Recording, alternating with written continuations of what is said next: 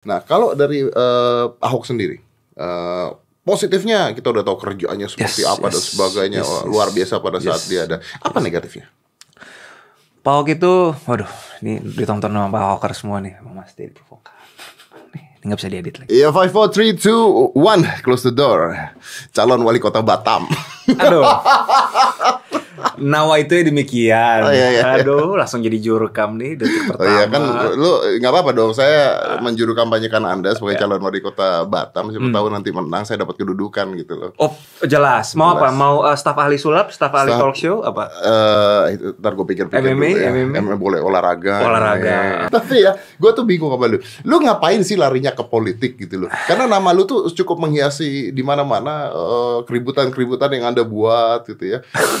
Dengan Keributan ya? Iya kan itu kan kehebohan dengan eh, Pak Anies Baswedan kemarin masalah lem ribut lagi masalah Iya, apa iya, gitu. iya, iya. Kenapa lu nggak em, bisnis aja lah gitu lah? Aneh sih. Gue tuh masuk politik lebih karena gimana ya? Pak Gini, Ahok, Pak Ahok. Enggak, sebenarnya ada cerita yang orang nggak tahu, bro. Gue tuh dulu SMP ke SMA Hah. mau jadi pastor. Wah yang bener lu. Benar, gue udah ambil form. Bohong lu. Eh, sekolah SMA Gonzaga tau kan di Pejaten kan ada seminari wacana Tahu. bakti. Gue udah ambil form. Tapi dilihat dari cincin kawin anda, anda nggak kuat. Nah, Anda langsung tahu. Memang betul-betul master mentalis. Dia langsung tahu mental saya. Tak kuat. Tak kuat Tak kuat tak nikah. Tapi setidaknya meskipun gue dulu jomblo. Radar gue on mulu kalau ada perempuan cakep lewat. Oh, kan gue tahu ini berarti kelemahan gue. Iya, iya, benar. Kalau gue tahu lemah ya ngapain gue terusin. Iya iya bener. Coret. Jadi nggak jadi nih pastor. Coret. Begitu gue SMA mau ke kuliah, mau jadi apa gue ya? Gue mau tentara tadinya. Lu mau tentara jadi pak dari Akmil. pastor mau jadi. Akmil. Aneh kan? Gue tuh agak gila Mas Dede. Jadi lu salah milih tamu sebenarnya. Kenapa ini. mau jadi tentara? Mau ngabdi. Mau ngabdi? Tapi kan gue keluarga Tionghoa kan gue nyokap gue Iya. Jerman nyokap gue Tionghoa dipanggil keluarga besar dia bilang lu gila ya kita di Tionghoa mau tentara paling mentok-mentok lu kapten menurut keluarga besar Iya iya iya. tapi gue emang kopah keras kepala gue tetap daftar gue telepon? Akmil gue telepon Heeh. Misi pak betul daftar tentara di sini oh siap deh bener deh Tapi saya Bagus. Tionghoa gitu nggak? Enggak, belum, belum, belum keluar kartu kartu Tionghoa belum keluar, belum keluar. Kartu Jerman Tionghoa simpen dulu. Tapi gue tapi dia nanya si yang di Akmil di ujungnya, siap deh. Tapi kamu SMA-nya IPA kan? Emang kenapa? S- zaman gua daftar Akmil harus minimal IPA. Menurut saya salah itu ya. Kenapa? Soalnya Kenapa? anak IPS nekat-nekat kan Iya benar benar benar benar benar benar benar benar. Musuh seribu. Oh, nggak peduli. Anak IPA Enggak enggak Gitu mundur-mundur. dulu. Nah, kalau IPS udah Serang dulu. serang dulu. Jadi lu akhirnya gagal gara-gara lu IPS. Yes. Jadi kalau gue dulu IPA mungkin nggak ketemu Mas Dedi, mungkin saya sama Mas Ahaye bikin uh, uh, komando tugas bersama sama Mas Iya, iya, Ahaye. Halo Mas Ahaye. nah eh, karena nggak bisa akmil ya udah, gue suka tata negara. Nah gue ujian SPMB masuklah UI hukum. Baru habis itu gue tadi bisa masuk. jadi pengacara lu. Nah ini juga sebenarnya salah Anies Baswedan sebenarnya. Orangnya nggak nggak ada di sini, nggak Iya. ngurusin kuliah lu, lu salahin. Salah. Lu Gila lu. Ini salah beliau. Ini salah in a good way. Di tahun 2011-an ada program Indonesia Mengajar. Oh iya iya iya. Nah, gue mulai tergoda lah, lihatlah YouTube Nah. pidatonya Pak Anies Baswedan. Nah, tertarik.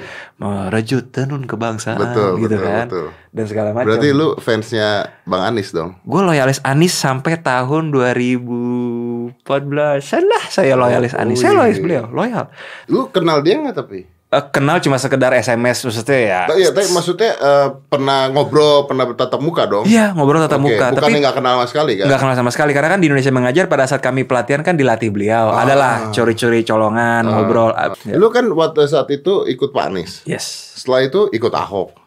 Yes. Terus jadi tidak Anies Baswedanan. Betul. Jadi Ahokan lah gitu ceritanya. Ya kita pekerjanya buat Pak Ahok lah. Kalau Ahok kayaknya kan bela mati banget. betul. Gue masih agak ada objektivitasnya lah. Oke, berarti lu ini dong gampang ikut alur. Eh, gua menunggu kereta. Jadi gua orangnya idealis tapi harus realistis. Keretanya di mana? Begitu selesai dari tim transisi, balik ke law firm, Pak eh, Basuki Cahayapurnama saya itu udah gubernur lagi nyari orang. Dan gue kenal Pak Ahok juga bro, karena Pak Anies. Kenapa Anies juga? Pulang Indonesia mengajar, hari pertama pulang ke Jakarta, gue jadi bantu kampanye Ahok sehari. Oh. Pilkada 2012 Jokowi Basuki. Iya iya iya. Jadi iya, iya, iya. jalan gua sekarang ketemu Pak Ahok pun Dari itu Pak Anies. Dari Pak Anies. Anda harus terima kasih ya Pak Anies. Terima kasih Pak Anies. Tapi kok iPhone-nya bisa bocor juga. Eh. jadi gue sebenarnya berterima kasih sampai hari ini ya Rian jadi seorang Rian adalah terima kasih kepada Pak Anies Baswedan bukakan pintu dan terima kasih kepada Pak Ahok karena Pak Ahok memberikan saya contoh bagaimana cara bekerja yang baik. Lalu kenapa Anda tiba-tiba jadi tidak suka dengan Pak Anies? Oke, ini juga saya uh, tulis di, di emang kan provokator nih Mas Dedi. Pantas dia meme karena kalau dia provokator orang marah takut badannya gede banget. Jadi terima nasib dibully Mas Dedi. Iya, itu kan pertanyaan yang eh, orang-orang eh, karena begini, gue cerita sama teman-teman gue kan, Eh, gue podcast eh, mau sama Rian nih, Rian siapa? Rian Ernest. Oh. Oh, yang gak suka manis ya, gitu. Apalagi Anda ada di videonya MLI, saya tonton. Iya kan. Wow. Wah, di endorse kejujuran kata Endorse si kejujuran, kata si tretan muslim sampah sampah. Keren, cerdas itu. Komedian tuh cerdas. Saya semakin sadar begitu ikut video itu. Nah, gue tulis ini sebenarnya di sebuah tulisan Kompasiana kalau nggak salah pada saat pilkada 2017. Saya tuh tuh respect kepada Pak Anies karena eh, apa yang beliau tawarkan gagasannya, gagasan eh, Indonesia yang pluralis, eh, Islam yang sejuk, eh, teduh dan dia juga seorang intelektual eh, menjadi representasi eh, apa namanya seorang intelektual Muslim moderat. Keren lah. Siapa sih dulu yang nggak nggak cinta Pak Anies gitu? Semua orang semua orang lah. Dulu tuh ya, Anda mengatakan siapa dulu ya? betul. Sampai suatu saat Pak Anies apa namanya eh, pada saat mulai kampanye beliau itu mulai eh, mendatangi eh, yang terhormat Pak Rizik Sihab. Hmm. dari situ Pak Rizik Sihab orang yang eh, saya apa hormati juga tapi kan ada banyak catatan-catatan juga yang kita semua tahu lah. Eh, berbeda dengan yang selama ini dicitrakan oleh Pak Anies Baswedan selama sekian tahun. Jadi lu kecewa. bahwa di politik menurut gua harus ada prinsip yang tetap anda bawa. Atau mungkin mungkin Pak Anies pada saat itu mungkin ingin bersahabat dengan semua orang. ada argumentasi yang disampaikan loyalis Pak Anies ke saya bahwa seperti itu. Kita ini kan pemimpin kita harus mengayomi semua orang. Betul. nah saya jawab dengan sederhana mengayomi semua orang silahkan tapi sudah anda menang dong kalau lagi kampanye ngayomi semua orang ya bukan ngayomi nih lu Apa- lagi kampanye apa namanya? lagi suara. kampanye nyari suara Nyari suara. Oh. Kalau Anda sudah menang lalu Anda menghampiri orang-orang yang berseberangan secara politik, orang-orang yang mungkin dianggap bukan menjadi tauladan masyarakat, misalkan maaf, misalnya orang yang eh apa ya eh, masalah punya punya punya masalah sosial misalkan eh, bos gelandangan gitu loh. Jadi benar-benar orang yang di luar dari circle Anda Anda samperin gitu ya, orang yang beda. Itu saya ngerti Setelah lu menang. setelah menang. Tapi kalau Anda sebelum menang tapi ya Anda tapi kan kampanye. politik butuh suara. bro. Nah, Tidak salah. tidak salah. Kan butuh suara. Gimana Nah, lu? gimana sih diajari Mas Dedi di hari Kan ini? butuh suara itu. Jadi menurut gua politik itu penting juga ada warnanya sebenarnya. Eh. Nah kalau Anies Baswedan maju, harusnya kan yang saya pahami warna yang beliau bawa sebelum masuk politik kan warna seorang yang moderat. Hmm. Begitu mulai kampanye kok mulai nggak nggak begini gitu loh, mulai populisme banget, Hmm. mulai mendekati kelompok-kelompok yang mengagetkan buat paling nggak core eh, fansnya dia sebelum dia kampanye. oke. Jadi oh berarti bisa ganti-ganti topeng ini. Hmm. Kita sering dengar istilah misalnya Machiavellian gitu ya, bisa ganti-ganti topeng menghalalkan segala cara. Nah, politik juga memang penting untuk kita dapatkan kekuasaan karena tanpa kekuasaan kita nggak bisa bikin Tapi apa-apa. kan tapi kan gini, gua eh, gua tidak membela Anies ya, tapi Iya, tapi iya, gini. Eh, tapi kan kalau dalam politik itu bisa saja eh, untuk mendapatkan suara dulu, setelah mendapatkan suara dan setelah menang baru dia eh, membenarkan apa yang menurut dia benar. Hmm. Tapi kan dia tidak bisa melakukan itu kalau dia belum menang. M- mungkin dong, mungkin dong. Mungkin, mungkin, Ah, mungkin. Cerdas, mungkin, cerdas. mungkin. Master mentalis. Ya, Gue bikin perumpamaan gampang. Eh, mungkin kita sering tuh misalnya datang ke restoran fast food. Jadi pada saat anda lagi di rumah, anda lagi begadang, tiba-tiba iklan lah, burger, burgernya tebel, Hmm.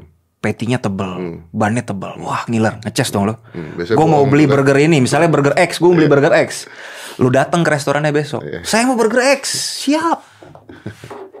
Melempem, ya kempes. biasanya. kempes. Lu kesel nggak? So, Sama kayak pemilih. Pemilih lu pilih ini karena harusnya ini yang lo dapat.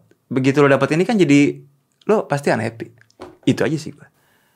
Jadinya orang yang tadinya punya trust sama politik lagi-lagi kecewa karena orang yang dia pilih mungkin isinya tidak seperti itu. Kan jadi gimana kita politik? Kenapa Politik kenapa lu nggak tanya aja sama Pak Anies ya? Kan Anda suka cecetan sama Pak Anies. Nomornya sih masih ada ya. Saya belum saya belum sempat tabayun sebenarnya sih. Ada saya melanggar prinsip sebenarnya. Karena saya sebenarnya gini lah, eh, kita sama-sama orang dewasa Ya. eh, dan sedikit demi sedikit saya mulai menjadi makhluk politik. Beliau adalah makhluk politik yang sudah lebih daripada saya dan saya pikir udah sepakat untuk tidak sepakat lah tanpa harus tabayun karena kan ya dengan menampilkan itu disclose kepada masyarakat luas ya udah emang begitu adalah begitu. Dan Tapi apakah ketika nanti misalnya lu mau menjabat menjadi seorang pejabat, misalnya jadi wali kota Batam lah gitu sekarang ya kan? Kita nggak tahu nextnya apa, ya kan? Eh, tiba-tiba dia presiden karena dia capres terkuat 2024 Ya atau tiba-tiba lu jadi presiden, why not? Eh, hitungan kalkulasi manusia sih tidak mungkin bro ya tapi ya Kan tidak ada yang tahu. tidak ada yang Tidak ada tahu yang tahu. Mas Dedi saja Siapa tahu? eh, Nah, tidak ada yang tahu. dari Masalah seorang ada- jadi presiden bisa loh. Masalah setelah itu ditumbangkan saya nggak tahu. Ah, Tapi kan bisa. didoain presiden. tumbang Tapi kan gini, lo mau jadi wali kota Batam atau lo mau jadi seorang pejabat di satu daerah, Anda kan juga harus dapetin suara dari orang-orang yang tidak suka dengan Anda. Gimana caranya Anda dapetin suara kalau Anda tidak tabayun dengan orang-orang yang Anda tidak suka? Mungkin itu yang Pak Anies lakukan. Kalau saya sih hitungan saya begini, kalau saya datang di sebuah daerah dan karakteristik masyarakatnya berbeda dengan gagasan yang mau saya bawa, ya saya nggak akan maju. Oh, berarti lu idealis intinya. Tapi realistis. Realistis. Saya sering dibilang lu tuh terlalu idealis, Rian. Keluarga saya tuh berulang kali di ya. meja makan lu terlalu idealis, tapi saya realistis. Realis. Artinya Anda mengatakan bahwa Pak Anies tidak idealis. Pak Anies hari ini Machiavelli, Begitu ya. Ah, mengalahkan segala cara. Mengalahkan segala cara. Karena gini, eh, Pak Anies itu orang yang hebat, skill set misalkan sebagai seorang akademisi keren lah, juru bicara keren. Tapi kan menjadi seorang administratur tanda kutip ya, bestur pejabat gitu ya. Anda perlu skill set yang lebih mumpuni dari yang sekarang ditawarkan. Harus lebih transparan, harus lebih responsif, harus lebih tegas, harus lebih teliti ngejelimet. Karena kan administratur, Anda harus lihat rincinya. Nggak bisa hanya bicara gagasan lalu berharap sistem berjalan. Tapi lu tadi mengatakan bahwa beliau mungkin eh, apa eh, jadi salah satu calon kuat presiden. Iya, secara survei saya harus sampaikan kepada masyarakat Indonesia dan apresiasi kepada Pak Anies bahwa politik hari ini per hari ini adalah salah satu capres terkuat top 3 paling tidak itu Pak Anies Baswedan. Berarti artinya beliau disukai. Yes. Apakah itu mungkin wajah politik hari ini lebih penting sosok dan tata kata dibanding bekerja? Ya nggak tahu juga. Tapi itulah, itulah realita. Itulah politik dan pemerintahan. Itulah realita. Dan memang jalan yang sulit buat seorang kayak Rian Ernest maju. Saya tahu betul ini jalan yang sulit. Saya nggak pernah bilang jalannya mudah. Kayak saya maju di Batam, saya independen mengumpulkan KTP. Lu independen? Independen, kumpul KTP. Nah, lu kenapa nggak pakai lu punya ini PSI? Eh, partai saya belum pada titik optimal. Kita masih kecil di Batam. Dari 50 kursi DPRD kami hanya satu. Jadi saya harap dengan saya maju independen saya bisa lebih leluasa lagi lah bergerak. Dan tidak membawa bendera mana pun gitu ya. Betul dan tidak harus melobi berbagai pintu partai politik yang sudah established di Batam. Maupun saya maju di Batam pasti kan akan dipanggil parpol parpol nasional ke Jakarta. Capek Bapak. Bener sih. Jadi hitungan saya adalah dengan independen meskipun berat, terjal dan sepi, ini bisa. Asal saya disiplin. Asal tim saya disiplin. Lu berapa sih bro? Saya 32. Nggak capek lu? Rambut udah mulai putih Iya, ya kan? Nah, rambut putih karena Pak Ahok. Selalu nyalahin orang nggak? Oh, enggak kebetulan. Jadi gue dua bulan kerja sama beliau, kan uban gue tadi satu-satu bro. Nah. Langsung naik. Serius. Asli, Jadi mikirin, ngaruh tuh ya? mikirin bangsa dan negara, mikirin warga DKI Jakarta itu bikin. Tapi ya emang ubanan juga sih, pas Oke. aja mungkin dari Oke, kecil. sekarang gue pengen tahu menurut seorang Rian Ernest nih, eh, manusia itu kan tidak ada yang selalu negatif. Pasti di negatif ada positifnya, di positif ada negatifnya. Pasti, Itu pasti, pasti, ya. Ya, We all know about that. Tadi lu udah mengatakan bahwa Anies Baswedan tuh begini, begini, begini, begini, begini. Dari ketidakidealisannya lah, dari apanya lah semuanya. Sekarang gue tanya, ada nggak positifnya saat ini? Ada. Apa itu?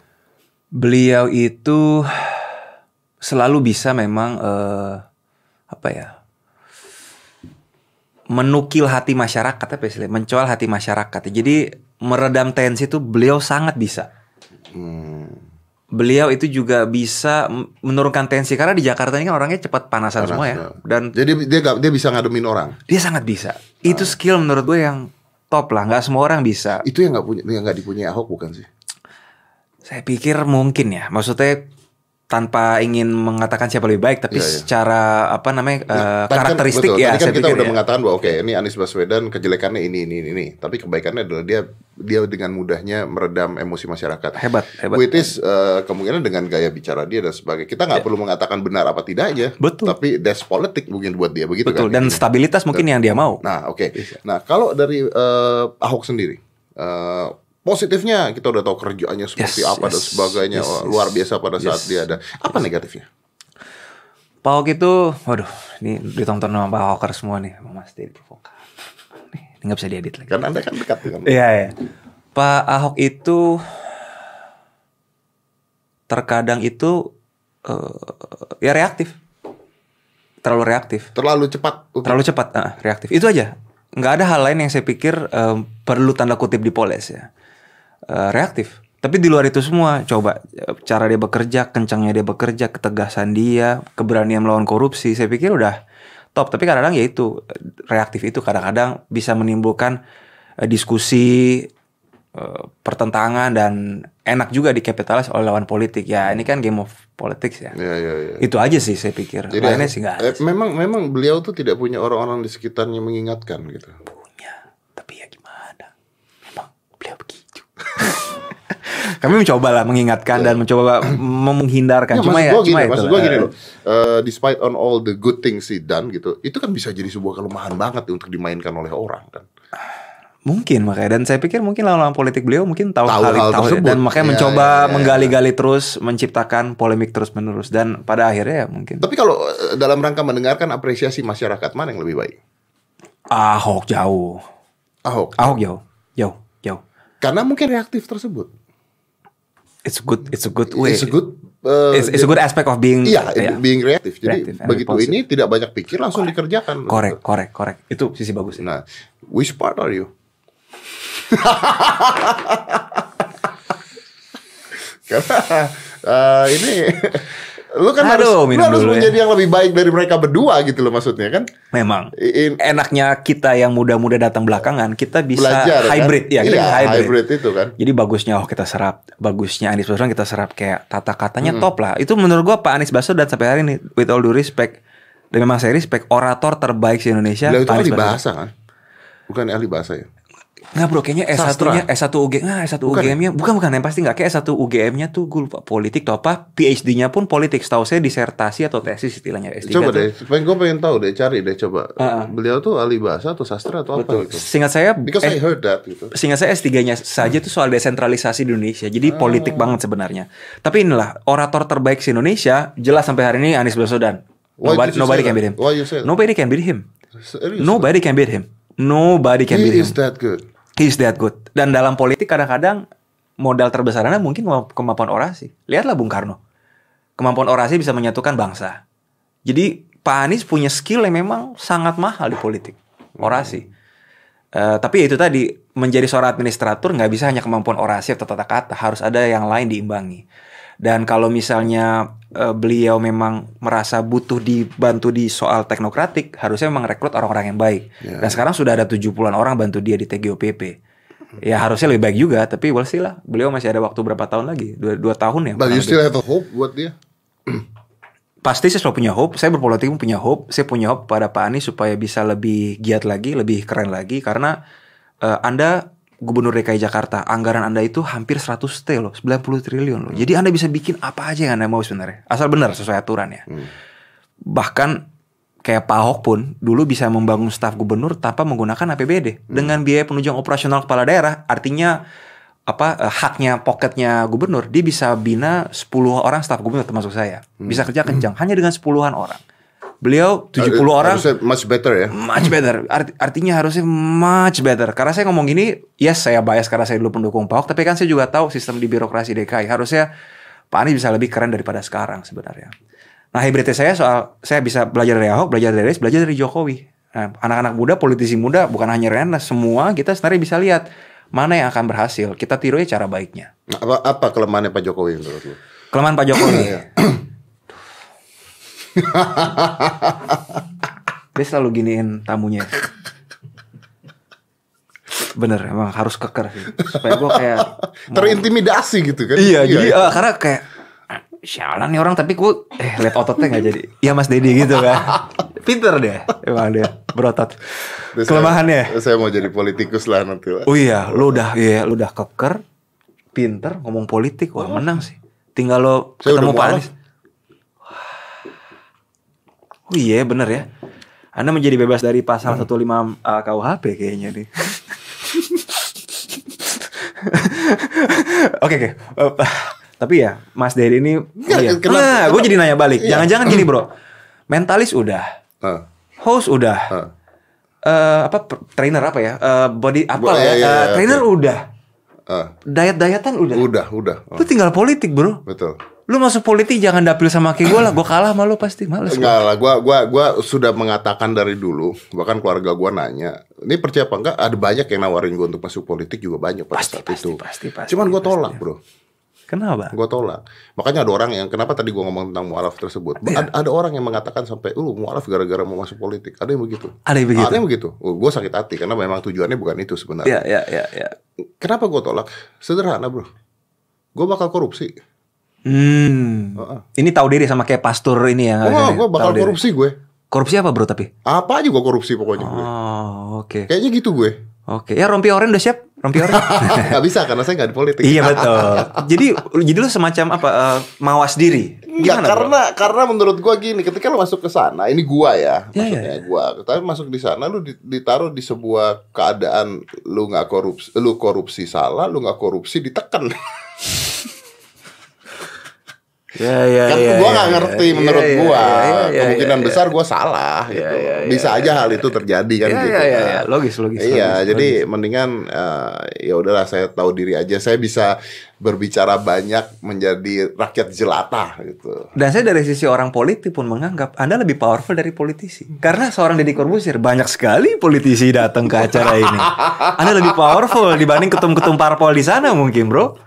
To be honest ya. Jadi saya punya corongnya gitu ya. Be- iya. dan lebih enak gitu. Saya pernah ketemu beberapa orang yang saya tahu banget mungkin ada panggilan politik, tapi beliau mungkin seorang public figure seperti Mas Dedi gini ya. Dia bilang enakan gini bro, lebih cair dan bahkan lebih dicari orang politik malah. Iya, itu Ya. satu betul. Yang kedua juga maksud gua gini, gua mungkin bisa menyehatkan bangsa dengan cara yang berbeda. Hmm. Dalam pengertian gini, ketika gua ngundang Anies, terus ada lu di sini, masyarakat itu kan enak ngelihatnya. Iya. Ini yang ini yang masyarakat itu sekarang sebenarnya harus belajar. Maksudnya eh, mereka ini debat dari politik loh, bukan saling benci orang mau bunuh-bunuhan loh, enggak loh. Hmm. yes. Ya kan? Yes, yes. Apa apa apa yang terjadi ketika Jokowi sudah eh, naik jadi presiden, Hmm. lalu cebong dan kampret bersatu, yang kecewa berapa banyak? Grup WhatsApp yang keluar berapa banyak? Bener bener bener. Ah ini sandiwara semua dia bilang. Nah, itu kan Ya, ya. akhirnya mungkin masyarakat harus berpikir banyak gitu loh. Betul. Tapi Anda pandai memanipulasi saya, Anda tidak menjawab tadi. Oh iya iya. Memang master mentalis. Tidak bisa didistract. Apa kelemahan Pak Jokowi? Iya.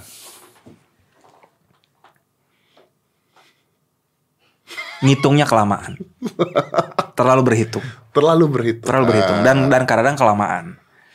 Tapi jujur mungkin dengan cara begitu akhirnya outputnya menjadi baik, menjadi bisa meredam musuhnya pelan-pelan. Ya, ya, ya. Pak Jokowi memulai 2014 terpilih presiden dengan dukungan parpol yang sangat minim. Ya. Minim sekali dan pelan-pelan dia bisa mengatur strategi. Mungkin agak lama Berarti gitu ini ya. karakternya sangat berbeda dengan Pak Ahok. Ya. Makanya menurut saya Kombinasi dalam- mereka berdua tuh bagus harusnya. asik gas rem kenceng santai galak woles asik dan di politik perlu memang saling imbangin seperti itu It's a, they are a perfect match to each other tapi ya itulah nasib mungkin hari ini beda gitu Beliau kan baru aja mencanangkan staf ahli milenial. Iya ya staf khusus presiden milenial Iya, iya. apalah ya gitulah ya Itu gue juga bingung Pro nomenklaturnya kontra kan, pro kontra. Ya, Oh, ya, lu ya. sendiri gimana ngeliat itu? oh mau nggak mau suka nggak suka nasib bangsa ini ada di tangan generasi muda Hmm. pilihannya antara dua antara kita fokus terus ke generasi tua yang dengan segala hormat ya cenderung lebih lamban eh, nggak mudah beradaptasi. Dengan kita terus kasih ke generasi tua tiba-tiba generasi muda dikasih suka kaget-kaget dong. Atau B dari sekarang pelan-pelan dikasih peran. Supaya begitu tokat estafetnya dikasih Udah siap. udah siap. Paling nggak udah setengah siap lah. Yang nggak full full siap banget. Setengah siapnya lebih baik dibanding nggak siap sama sekali. Ya, yang masyarakat ributkan itu kan sebenarnya ada beberapa hal, tapi yang paling lucu adalah gaji 51 juta itu tuh. hmm. Gaji 51 juta dan sebagainya Hmm. gitu kan. Padahal milenial-milenial yang dipilih itu nggak butuh duitnya juga sih sebenarnya 51 juta kayaknya kecil deh buat mereka tuh. Betul. Sebelum sebelum ini mungkin mereka jadi consultant di mana yang sehari Iya, eh sebulan ada 100 juta lebih, Iya, 150 ada juta. kayaknya. Orang-orang tersebut kan orang-orang yang udah sukses di bidangnya masing-masing. Betul, punya usaha, mungkin kecil dari sisi pen- pendapatan selama ini. Ya tapi secara angka absolut mungkin kan kayak wah, muda begini kok 50. Iya, iya. Angka absolut. Tapi kalau kita bicara relatif pendapatan mereka selama ini ya Iya, betul. turun. Ya itulah politik kan tergantung cara ngemasnya gimana. Iya, betul. Kalau seandainya ada cara mengkomunikasikan lebih baik soal gaji way beforehand mungkin kan Bisa jadi less, lebih, less uh, tension. Nah. Saya mau nanya, tadi kan kita bicara tentang Ahok, Anies, Pak Jokowi dan sebagainya Iya. gitu ya. Eh, di luar itu semua lo lagi mau nyalonin juga jadi bupati, wali kota, Wali kota Batam. wali kota Batam Dengan restu warga Batam Dengan restu warga Batam pastinya. Oke, anda yang ada di Batam pilih dan Enes. Aduh, curkam saya. biasa. Aduh. Nangis. Oke, oke, fokus fokus. Saya jilat sebelum menang. Oke. Oh, ya, setelah menang staf ahli MMA. Apa kejelekan Rian Ernest? Apa kejagaran? Nih kan? Yang mau jadi pastor nggak jadi ini apa kejelekannya? Nggak sabaran. Nggak sabaran. Saya nggak sabaran. Berarti lu kayak Ahok dong? Agak kayak Ahok. Agak kayak Ahok. Karena mungkin kultur keluarga saya itu kultur Sumatera kali ya. Berarti lu tahu dong bahayanya di mana? Oh, saya ngerti poin Anda. Maksudnya saya nggak sabaran, tapi saya nggak meluapkan itu dalam waktu seketika. Oh, Anda masih berpikir gitu. Lebih tahan dulu, tahan dulu. Tapi kalau misalkan saya menjabat dan saya punya bawahan-bawahan, saya akan kerjanya kenceng. Dan kalau nggak bisa ikutin frekuensi kerja saya, antara saya yang berubah atau mereka yang berubah kan. Begitu kita kasih waktu mau berubah, nggak bisa, cat. Coba. itu saya nggak nggak sabaran sih. Ada beberapa orang kan kayak eh, jangan gitu dong Rian, kita kan harus berjalan pelan-pelan, mengayomi. Nggak bisa tuh lu merangkul." nggak bisa tuh. Nggak bisa karena menurut saya mak- tergantung konteksnya. Misalnya nih seorang Rian menjadi menteri di negara Singapura yang udah rapi banget. Ya lebih gampang. Lebih gampang. Ya, Ya, ya, gue ya. isunya udah nggak nggak banyak. Ya. Tapi kan kalau di Indonesia di kota-kota kabupaten secara umum banyak banget lah PR-nya. Kita kan dilantik lima tahun, waktunya pendek. Iya, iya. Jadi nggak bisa nyantai-nyantai. Lu, lu nggak sabaran tapi mulut lu lu jaga gitu.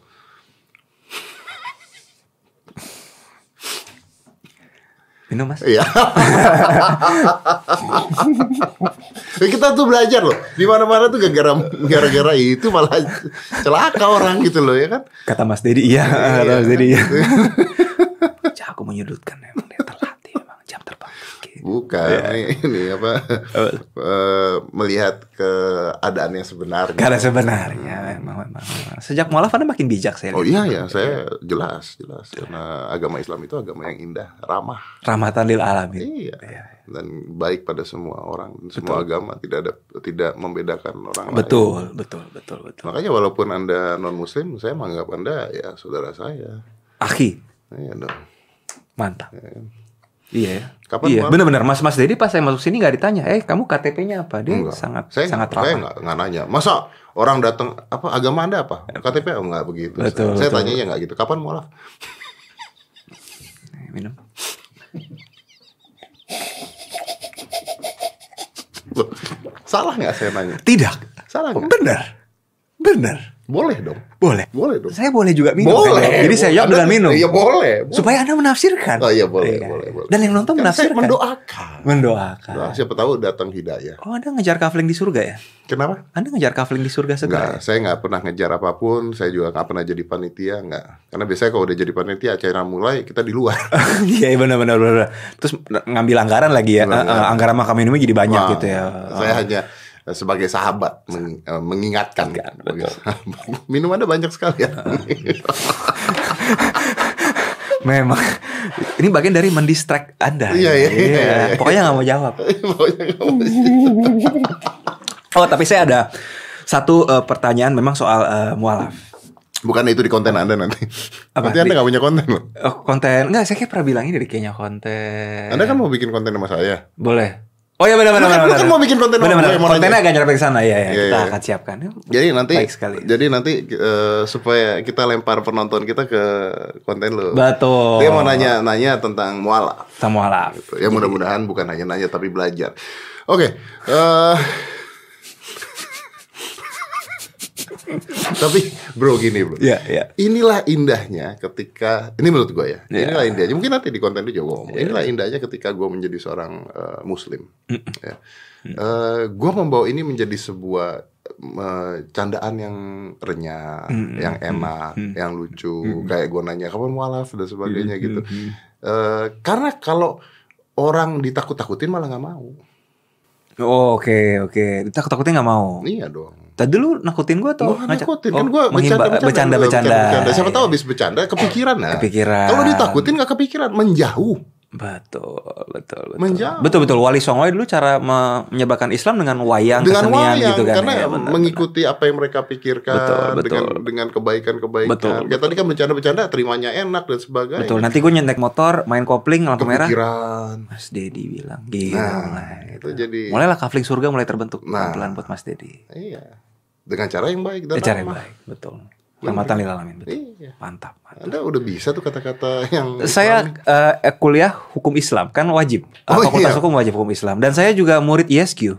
Oh, wow. Dulu oleh eh, keluarga mantan pacar saya, saya disekolahkan ISQ. Mungkin pengen saya mualaf, tapi tak mualaf juga. Akhirnya dengan mantan pacar Anda Ya putus. putus. Putus. Tapi dapat kartu ISQ-nya masih ada. ISQ 165 masih ingat gue ya. Sengaja ada manfaatnya pacaran Manfaat. dengan mantan Anda tersebut dong. Betul, betul. Anda mau ngorek-ngorek masalah pribadi saya. Oh enggak enggak enggak. Iya, iya, iya. Saya nggak mau tahu tentang masalah pribadi Anda. Mungkin gini, gua nanya eh, sebelum kita panjang lebar. Udah berapa lama kita ngobrol nih? 40 menit. Wih, seru, seru, 40 seru. menit. Tak terasa. Nggak Seru, terasa. seru, seru. Mungkin gini, eh, lu ketika lu menjadi seorang pejabat, eh, usia lu tuh kan masih muda ya. Iya. Lu eh, AHY, Ya, Valdo juga muda. Valdo tiga, belum 30 malah. Iya, iya, betul. Ya, Ahayo juga muda, betul. AHY juga masih muda. Eh, masyarakat kita ini sebenarnya butuh gak sih orang-orang muda seperti lu? Hmm. Karena dari zaman dulu itu kan yang menjabat-menjabat itu orang tua semua. Iya. Atau memang sudah harus geser orang-orang tua tersebut?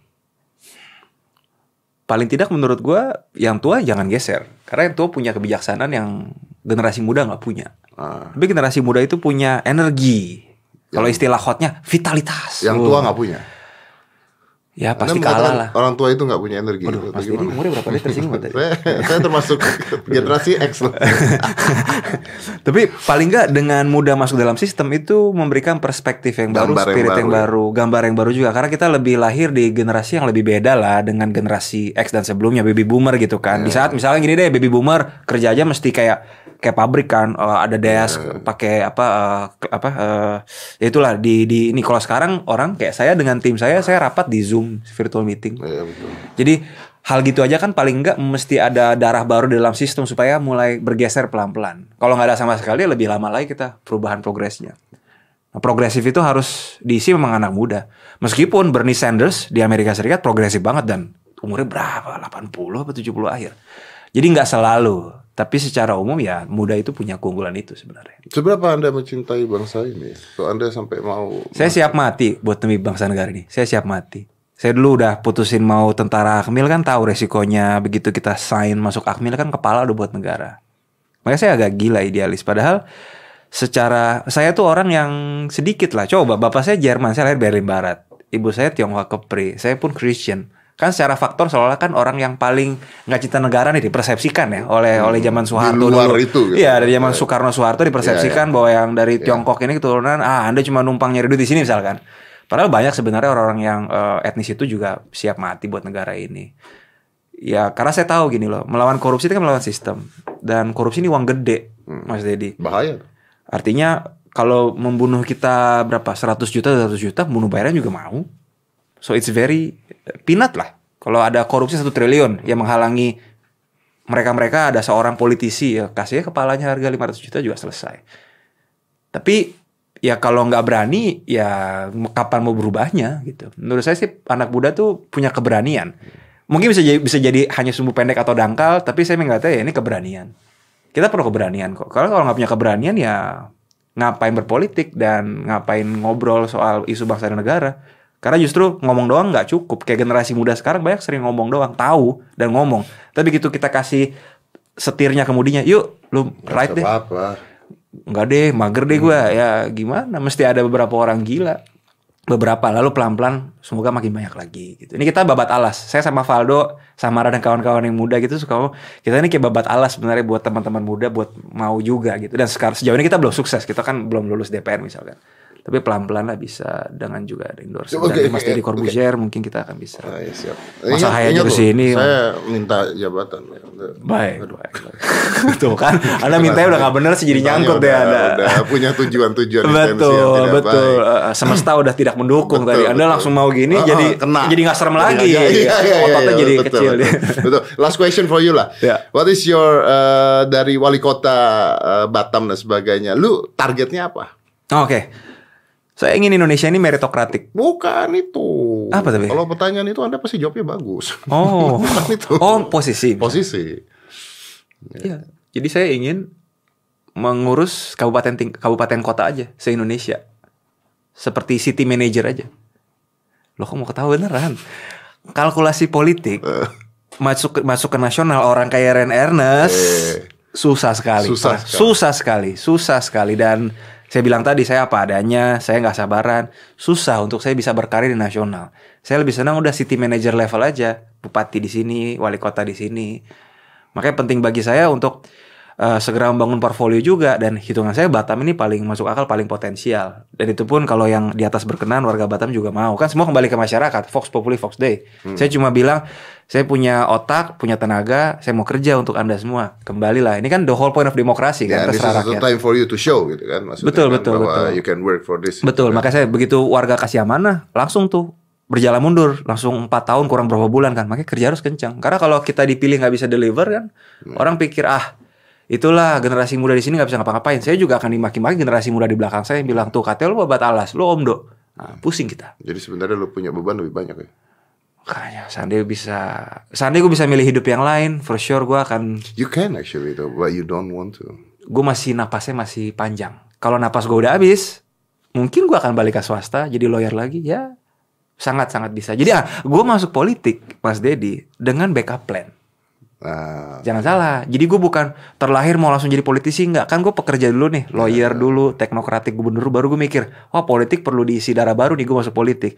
Kalau gue gagal, misalnya tiba-tiba gue diminta korup Ya. atau gue dikriminalkan Ya, gitu ya, salah tanda tangan, jadi- salah tanda tangan mungkin ada acara 17 Agustusan, gue salah tanda tangan ada korupsi 20 juta, gue di penjara. Bisa aja dapetin 2 triliun korupsi nggak dapet 20 juta dapat gue masuk Possible. penjara. Udah gue bisa balik ya ke swasta aja. Karena gue selalu sadar gue bisa cari uang halal kok dengan cara yang bener. ya, ya, ya. Mungkin bisa bikin show bareng Mas Dedi So this gitu. politics is a hobby. Oh enggak. Ya, hobi ya.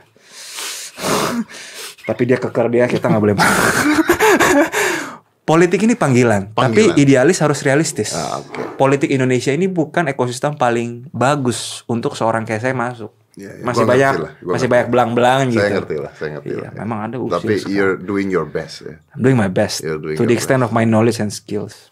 Oke. Well, uh, if one day you become wali kota Batam, Ya. saya adalah salah satu pembicara yang bagus untuk diundang di Batam sebagai seminar atau apa gitu. Harga diskon, harga diskon. Oh tidak bisa diskon karena pemerintah banyak uangnya juga kok. Oh saya iya, tahu iya dong. Tapi tidak bata.